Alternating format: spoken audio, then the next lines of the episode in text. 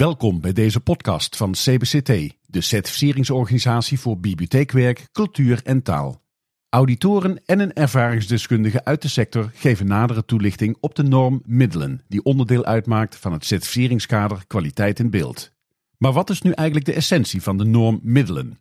Expert-auditor Hedy Egelmeers en peer-auditor Barbara van Schaik gaan er kort op in. Voor mij is de essentie van de, de normmiddelen vooral heeft de organisatie uh, de financiële huishouding goed ingericht. dat is een algemene essentie. Uh, dat betekent voor mij hebben bijvoorbeeld de juiste mensen uh, het juiste inzicht in de financiën. Gebruiken ze dit actief als sturingsmechanisme enerzijds en anderzijds is de essentie voor mij ook heeft de organisatie bestaansrecht? Uh, hoe ziet de toekomst eruit? Uh, zijn financiën geborgd? Qua inkomsten, qua subsidies. Dus zijn ze financieel toekomstbestendig? Nou, eigenlijk is denk ik de essentie van deze norm vrij recht toe recht aan, vrij simpel. Als je hem heel plat slaat, is je bedrijfsvoering op orde. dus in hoeverre heb je als organisatie de middelen, zowel financieel als niet financieel, op orde en ben je daarmee in staat om je ambities waar te maken. En wat zijn dan voorbeelden van niet-financiële middelen? Nou, denk aan ICT, uh, eh, denk aan uh, gebouwen, uh, denk in het geval van bibliotheken aan je collectie. Hè? Ook niet een, niet een gering middel. dus ja, dat is eigenlijk dat is natuurlijk veel breder dan alleen maar de financiën. Marketingcommunicatie is voor mij ook een belangrijk onderdeel van, van de normmiddelen. Is marketingcommunicatie een actief onderdeel van de uh, organisatie? Uh, hoe zetten ze dat in? Is daar een uh, plan voor gemaakt? Is dat ook smart omschreven? Dus wat mij betreft is dat een belangrijk onderdeel ook van deze norm.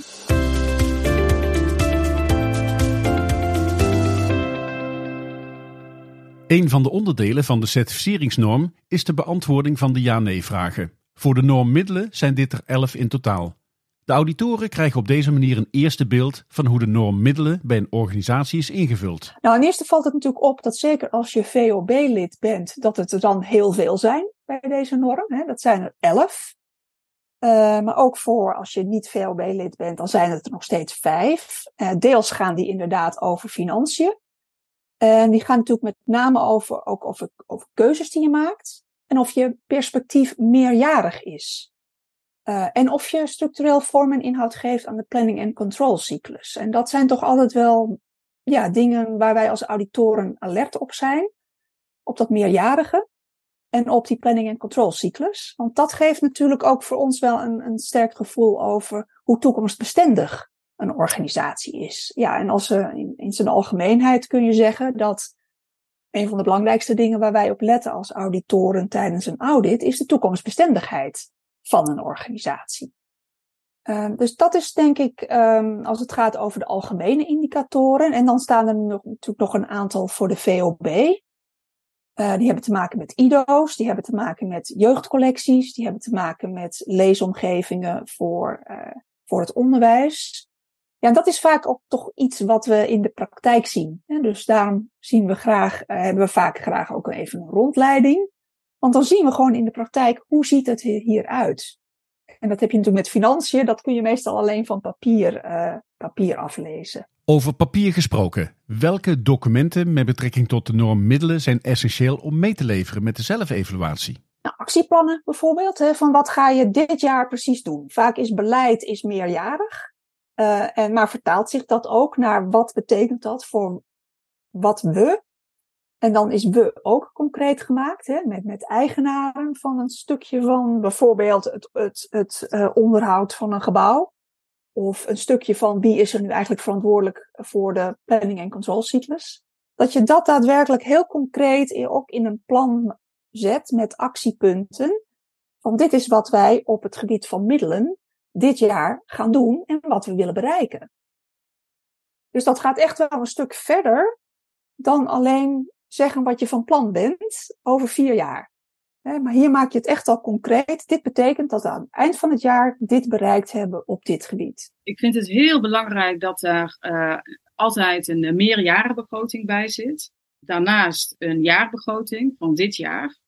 Het jaar waarin de audit wordt uitgevoerd. Het liefst uh, zie ik ook heel graag een begroting per afdeling. Dat is natuurlijk afhankelijk van de grootte van de organisatie. Kleine organisaties hebben dat uh, vaak wat minder, grotere wel. Dat geeft mij inzicht in hoe ook de verantwoording zeg maar, in de organisatie belegd is wat betreft financiën. En ik vind het ook altijd mooi om te zien hoe de organisatie omgaat met projectmiddelen. Veel uh, organisaties uh, werken met uh, projectmiddelen, vragen subsidie daarvoor aan. Dus een projectoverzicht met de middelen die daarbij horen en hoe en wanneer de verantwoording dan gedaan moet worden hiervoor, vind ik ook altijd een, een, een prettig document om, om in te kijken. nou ja, bijvoorbeeld dus een meerjarige begroting maar ook de jaarrekening. Hè? En dan vind ik het ook altijd wel interessant, zit daar een accountantsverklaring bij? Want soms staat daar ook nog iets in. Hè? Dan wordt er iets gezegd over de kwaliteit van, uh, van de organisatie.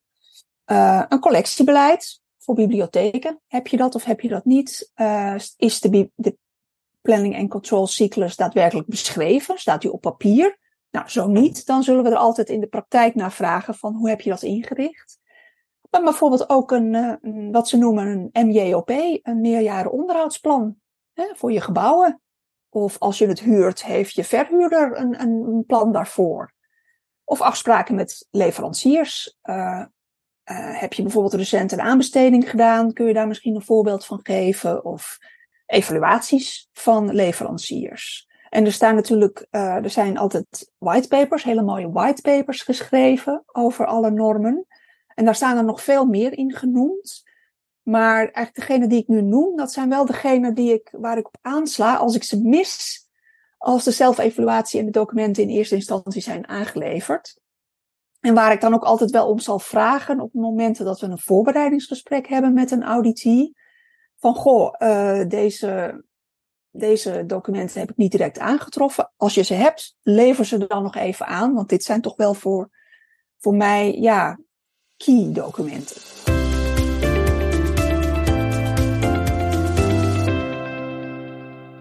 Hoewel documenten voor de auditoren een eerste basis vormen voor het beeld van een organisatie, gaat het uiteindelijk om hoe het in de praktijk is georganiseerd en zichtbaar wordt. Daartoe lopen de auditoren telkens een viertal beoordelingsvragen langs. De eerste beoordelingsvraag gaat over het hebben van een toekomstbestendige aanpak op het gebied van middelen. Maar wat is dat dan, zo'n aanpak? En kun je volstaan met een beleidsdocument? Uh, dat zou een mooi uh, uitgangspunt zijn. Maar tegelijkertijd gaat het hier natuurlijk ook om van eigenlijk wat ik eerst zei, hè, van wat is eigenlijk middelen? Nou, zacht gezegd, van hoe heb je je bedrijfsvoering georganiseerd? Dus hier wil ik ook naast uh, een beleidsdocument, of hè, vaak staat dat als onderdeel van je visie en strategie wel beschreven wil ik ook wel zien dat je hier aantoont of laat zien hoe heb je de bedrijfsorganisatie uh, georganiseerd en hoe heb je die belegd. En ik vind het altijd interessant, dat geldt denk ik eigenlijk sowieso voor uh, alle vragen in de zelfevaluatie. Uh, geef eens voorbeelden. en, en geef voorbeelden, werk ze enigszins uit en, en laat daarmee zien uh, ja, dat, dat die toekomstbestendige aanpak niet alleen je beleid is, maar ook handen en voeten krijgt. Ja, kijk, een aanpak is in mijn ogen een vertaling van beleid, strategie in wat kost dat dan? En wat kost dat dan? Is natuurlijk onder te brengen in een begroting. En vervolgens in projectplannen. Hè? Dus het is eigenlijk een soort trechter uh, waar je op hoofdlijnen de toekomstige strategieën gooit en vervolgens steeds concreter en steeds specifieker maakt in wat betekent dat dan in de praktijk? En hoe zet je die middelen in? En welke marketingcommunicatie zet je daarop? Welke doelgroepen heb je daar dan voor? Kijk, en wat hier ook nog uh, van toepassing is, hè, dat, uh, dat ondervang ik ook vaak bij middelen, maar kan ook bij norm 5, is collectiebeleid. Collectie is voor mij ook een middel om vervolgens gewenste resultaten te bereiken. Dus ook hier zou kunnen gelden collectieplan. Hoe ga je dat nou doen? En hoe sluit dat aan op de verschillende doelgroepen, op de verschillende programmeringen die je voor die doelgroepen wil opzetten of wil uitbouwen? Dus die aanpak wil ik graag zien. De vraag is nu hoe dit werkt in de alledaagse praktijk van de Hillegomse Muziekschool. Hoe hebben zij handen en voeten gegeven aan hun aanpak op het gebied van middelen? Nadine Stolk, directeur-bestuurder van de Hillegomse Muziekschool, gaat er uitgebreid op in. voor ons staat eigenlijk in het hele beleid, gewoon bij alles wat we doen steeds, zit in mijn hoofd heel erg die, uh, die cirkel van plan, do, check, act. Dus daar is, dat zit natuurlijk ook verweven in het hele certificeringsverhaal. Maar dat zit eigenlijk ook wel in mijn organisatie. Dus bij alle dingen die ik doe, probeer ik steeds de cirkel wel rond te krijgen. En het liefst verschillende cirkels op elkaar aan te laten sluiten. Want uh, ja, dat, dat helpt gewoon enorm mee. Um, dus als het gaat over middelen, dan gaat het voor mij over financiën in de breedste zin van het woord. Um, en mijn overtuiging is dat financiën um, stap 2 zijn, maar dat je eerst een visie moet hebben. En dus uh, ja, onze missie en visie, die moet, eerst, die moet eerst duidelijk zijn. Nou, die is heel duidelijk. En daarna komt je financieel beleid. Want dat moet daar wel bij passen. Want anders, nou ja, dan komt dat cirkeltje weer. Anders dan sluiten die cirkeltjes niet op elkaar aan. En dan heb je, denk ik, ook geen goed verhaal uh, naar buiten. En dus ook geen stabiele organisatie. De Heligonse Muziekschool laat niet alleen zien dat het cyclisch werken op basis van Plan, Do, Check, Act onderdeel kan zijn van een aanpak, maar ook dat deze aanpak op het gebied van middelen consistent moet aansluiten op de ambities van de organisatie. Maar hoe heeft ze deze aanpak concreet gemaakt? Nou, missie-visie um, staat sta bij ons in ons meerjaar, meerjaren beleidsplan staan drie kernwaarden centraal: inclusie, uh, verbinding, specialisatie. Um, en wat bijvoorbeeld een voorbeeld is, uh, laagdrempeligheid is een van de speerpunten. Wij willen gewoon, iedereen moet mee kunnen doen. Hoor je ook altijd, maar wij willen het echt, zeg ik dan. Uh, en daarvoor moet je laagdrempelig zijn. Nou, dat betekent qua uh, financiën dat ons investeringsbeleid bijvoorbeeld daarop aansluit. Dus dat we keuzes maken zoals we investeren in de aanschaf van instrumenten, zodat we uh, um, kinderen die niet zelf een instrument kunnen betalen, uh, een instrument mee kunnen geven. Of tegen een laag huurbedrag, soms ook zelfs gratis als het kinderen zijn die les hebben via zo'n jeugdfonds sport en cultuur. Dat is een bewuste financiële keuze en daar is bewust ons investeringsbeleid ook op gestoeld. Dat sluit dus echt aan bij het beleidsplan. Ja. Um, en dat is, uh, dat kan dus ook alleen, want ik moet dat ook kunnen verantwoorden naar de gemeente toe. Dat kan ik ook alleen maar verantwoorden als dat cirkeltje rond is. Want als ik alleen maar kom, boem, ja, weet je, wij gaan uh, instrument aanschaffen uh, vanuit hè, financiën, eigenlijk subsidiegeld voor een groot gedeelte dan gaat die gemeente komen met, uh, ja, maar waarom uh, gaan wij daarin investeren? Uh, dus ik moet wel kunnen verantwoorden waarom ik vind dat wij daarin kunnen investeren. Dus daarom moet het wel aansluiten bij onze missie-visie. Want anders dan heb ik gewoon geen goed verhaal om het te kunnen verantwoorden. Dus dat is wel het cirkeltje wat ik steeds maak. Maar een ander punt is ook uh, onze tarieven. Nu zijn de, is de inflatie natuurlijk best wel hoog. Dus ik hoor alleen maar organisaties die hun tarieven hebben verhoogd. En dat begrijp ik heel goed. Wij hebben de keuze gemaakt om net zo lang te puzzelen totdat het gelukt is om de tarieven gelijk te houden voor volgend cursusjaar aan dit cursusjaar. Dat hebben vorig jaar ook voor elkaar gekregen. Um, maar dat kan alleen maar omdat wij een, gewoon een goede financiële basis hebben. Gaat nog verder eigenlijk. Wij hebben gekozen voor, voor een transitie, voor een nieuw beleidsplan waarin we ons richten op niet alleen educatieve activiteiten op onze eigen locatie als muziekschool, maar om ook nieuwe activiteiten te gaan opzetten in het sociaal domein. Dat betekent dat je ook moet kunnen investeren en dat je ook pilots moet kunnen uh, opzetten die niet altijd helemaal direct kostendekkend zijn. Um, kan alleen als je daar, als je je financiën zo op orde hebt, dat je die investeringen kan doen. Want je kan natuurlijk best fondsen gaan werven of bij de gemeente aankloppen voor meer subsidie. Maar dan zul je toch eerst ook moeten laten zien dat de visie die jij hebt, dat die ook echt wel aansluit bij uh, deze tijd, bij dit dorp, bij de markt. Um, dus dan moet je ook wel je financiën op orde hebben. Dus ook daarin sluiten visie en financiën op elkaar aan. Op welke manier beoordelen de auditoren in hoeverre het beleid of de aanpak met betrekking tot middelen in de alledaagse praktijk ook terug te zien is? Wat ik wil zien is eigenlijk niet alleen zien, maar ik wil het ook horen. Dus hè, van de mensen met wie we spreken. Uh, dus wat, wij op, wat ik op papier heb gezien of heb gelezen, uh, vaak stellen we gewoon eigenlijk de vraag weer ook opnieuw zoals je in de zelfevaluatie staat, maar dan hoor ik het verhaal. En dat is iets anders dan dat je het op papier leest. En waar wij natuurlijk op zoek gaan van, zijn die twee consistent met elkaar? Is wat we op papier gelezen hebben, komt dat overeen met wat we mensen in de praktijk horen vertellen over hoe ze het daadwerkelijk doen? Het kan natuurlijk zijn dat soms iets niet op papier staat, en dan is niet meteen dat je dan puntenaftrek krijgt. Uh, alleen gaan wij dan wel op zoek van, oké, als het niet op papier staat, is er dan wel iets in de praktijk geregeld? En hoe heb je dat dan geregeld?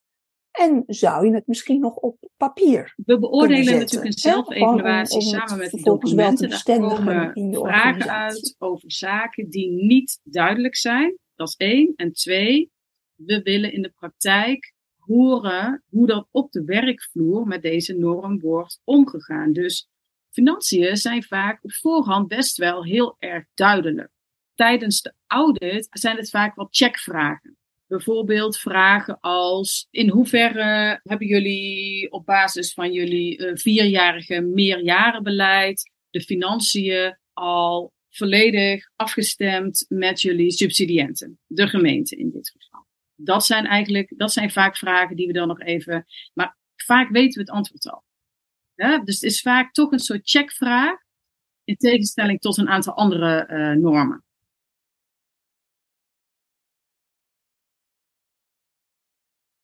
Op welke manier laat de Hillegomse Muziekschool zien hoe de aanpak met betrekking tot haar middelen in de praktijk is terug te zien? We sluiten aan door de, bij de praktijk door het per kwartaal goed te, te peilen. Uh, maar door niet alleen de financiën te peilen, maar ook al die andere zaken. Uh, omdat uh, dat, dat uiteindelijk ook de plek is waar je op kan sturen. Kijk, ik kan zien dat ik minder abonnementen of minder lesgeldinkomsten heb in mijn kwartaalrapportage. Maar uiteindelijk, wat heb ik daarvoor nodig? Daarvoor heb ik toch ook die andere cijfers nodig. Van joh, nou, hoe komt dat dan? Waar zit dat dan op? Zit dat op? We hebben een vrij groot aanbod. Zit dat op uh, lessenkaarten die minder verkocht worden? Zit dat op abonnementen die minder goed lopen? Lopen de cursussen die we voor kinderen doen minder? Uh, waar, waar, waar zit dan de angel? Want dan pas kan ik sturen. Dus dat, dat is wel de manier waarop we het nu hebben ingericht. Dat het bij elkaar aansluit, zodat ik ook weet van oké, het zijn niet alleen maar cijfertjes. Maar wat kan ik doen en om uiteindelijk, uh, of waar liggen de keuzes die ik moet maken? En dan kan ik ook met een plan uh, komen. Door middel van evaluaties beoordeelt een organisatie of de alledaagse praktijk werkt conform het beleid of de aanpak die daarvoor is opgesteld. Waar letten de auditoren op als het gaat om evalueren? We zijn natuurlijk altijd op zoek naar wat gaat goed en beschrijf dat ook vooral. En we zijn altijd op zoek naar wat kan beter. Het is goed als een organisatie ook zelf kijkt van wat kan beter.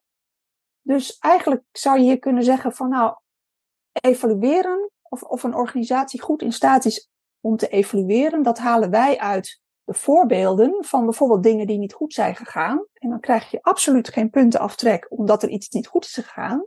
Sterker nog, je krijgt juist extra punten als je vervolgens aantoont dat je daarvan geleerd hebt. En dat je iets veranderd hebt in de praktijk, om iets wat niet goed gegaan is, toch weer op het, op het hè, toch op, als een verbetering uh, door te laten gaan. En dat geldt dus ook voor middelen. Hè? Dus bijvoorbeeld, uh, hoe ben je omgegaan met een tegenslag in je financiën? Um, of uh, is er regelmatig overleg? Hè? Als het gaat over geld, dan gaat het meestal ook over een subsidiegever. Hè? Dus is er ook regelmatig um, uitwisseling met je subsidiegever over hoe dat gaat? Op het vlak van die middelen? Uh, of uh, in hoeverre um, wordt er geëvalueerd met een, met een raad van toezicht van een organisatie? Hè, hoe zitten zij in een planning- en controlcyclus? Dat soort zaken zie je hier vaak terugkomen. Hoe werkt het evalueren bij de Hillegomse Muziekschool? We hebben drie, ik heb drie uh, rapportagesystemen die ik uh, maandelijks bijhoud.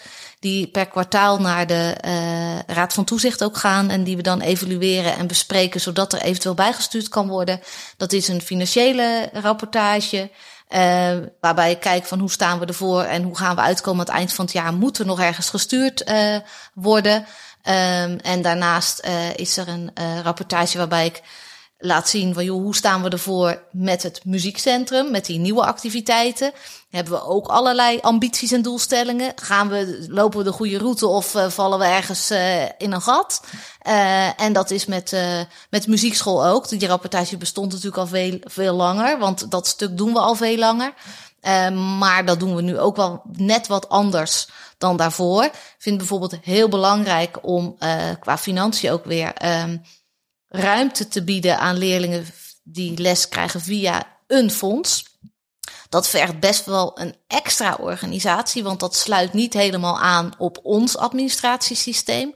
Uh, de bijdrage die de kinderen krijgen is niet hetzelfde als uh, de bijdrage of de, het tarief wat onze leerlingen betalen. Dus dat betekent dat we. Uh, dat, dat, dat, dat, dat we daar wel bewust ook keuzes in moeten maken. Maar die maken we. Dus dat hou ik ook wel bij in bestanden. Want dat is dus wel iets wat een gemeente bijvoorbeeld ook heel belangrijk vindt. Van joh, jij wil laagdrempelig zijn. Uh, hoeveel van die uh, leerlingen lopen er al rond bij jullie?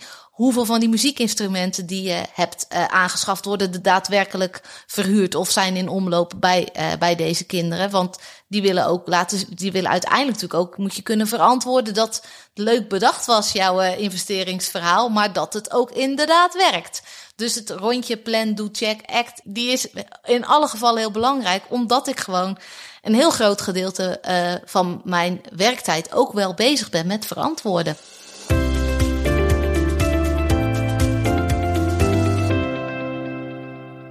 Welke tips zijn er voor andere ja, organisaties om vorm en inhoud te geven aan certificering en de normmiddelen in bijzondere zin? En vooral wat je daarmee doet, want dat is denk ik waar wij als auditoren in geïnteresseerd zijn in wat je ervan leert van je knelpunt en hoe je daar als organisatie mee omgaat.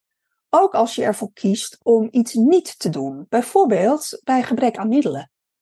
Ehm, we zijn juist, denk ik, geïnteresseerd in hoeverre ben je in staat om duidelijke keuzes te maken, uh, zodat je en je ambities waarmaakt en gebruik kunt, maken van de, kunt blijven maken van de middelen die je hebt, die misschien wel beperkt zijn in sommige opzichten.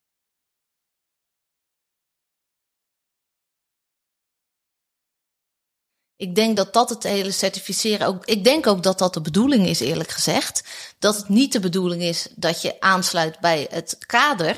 Maar dat je gaat kijken van hoe hebben wij het kader toegepast in, in onze organisatie.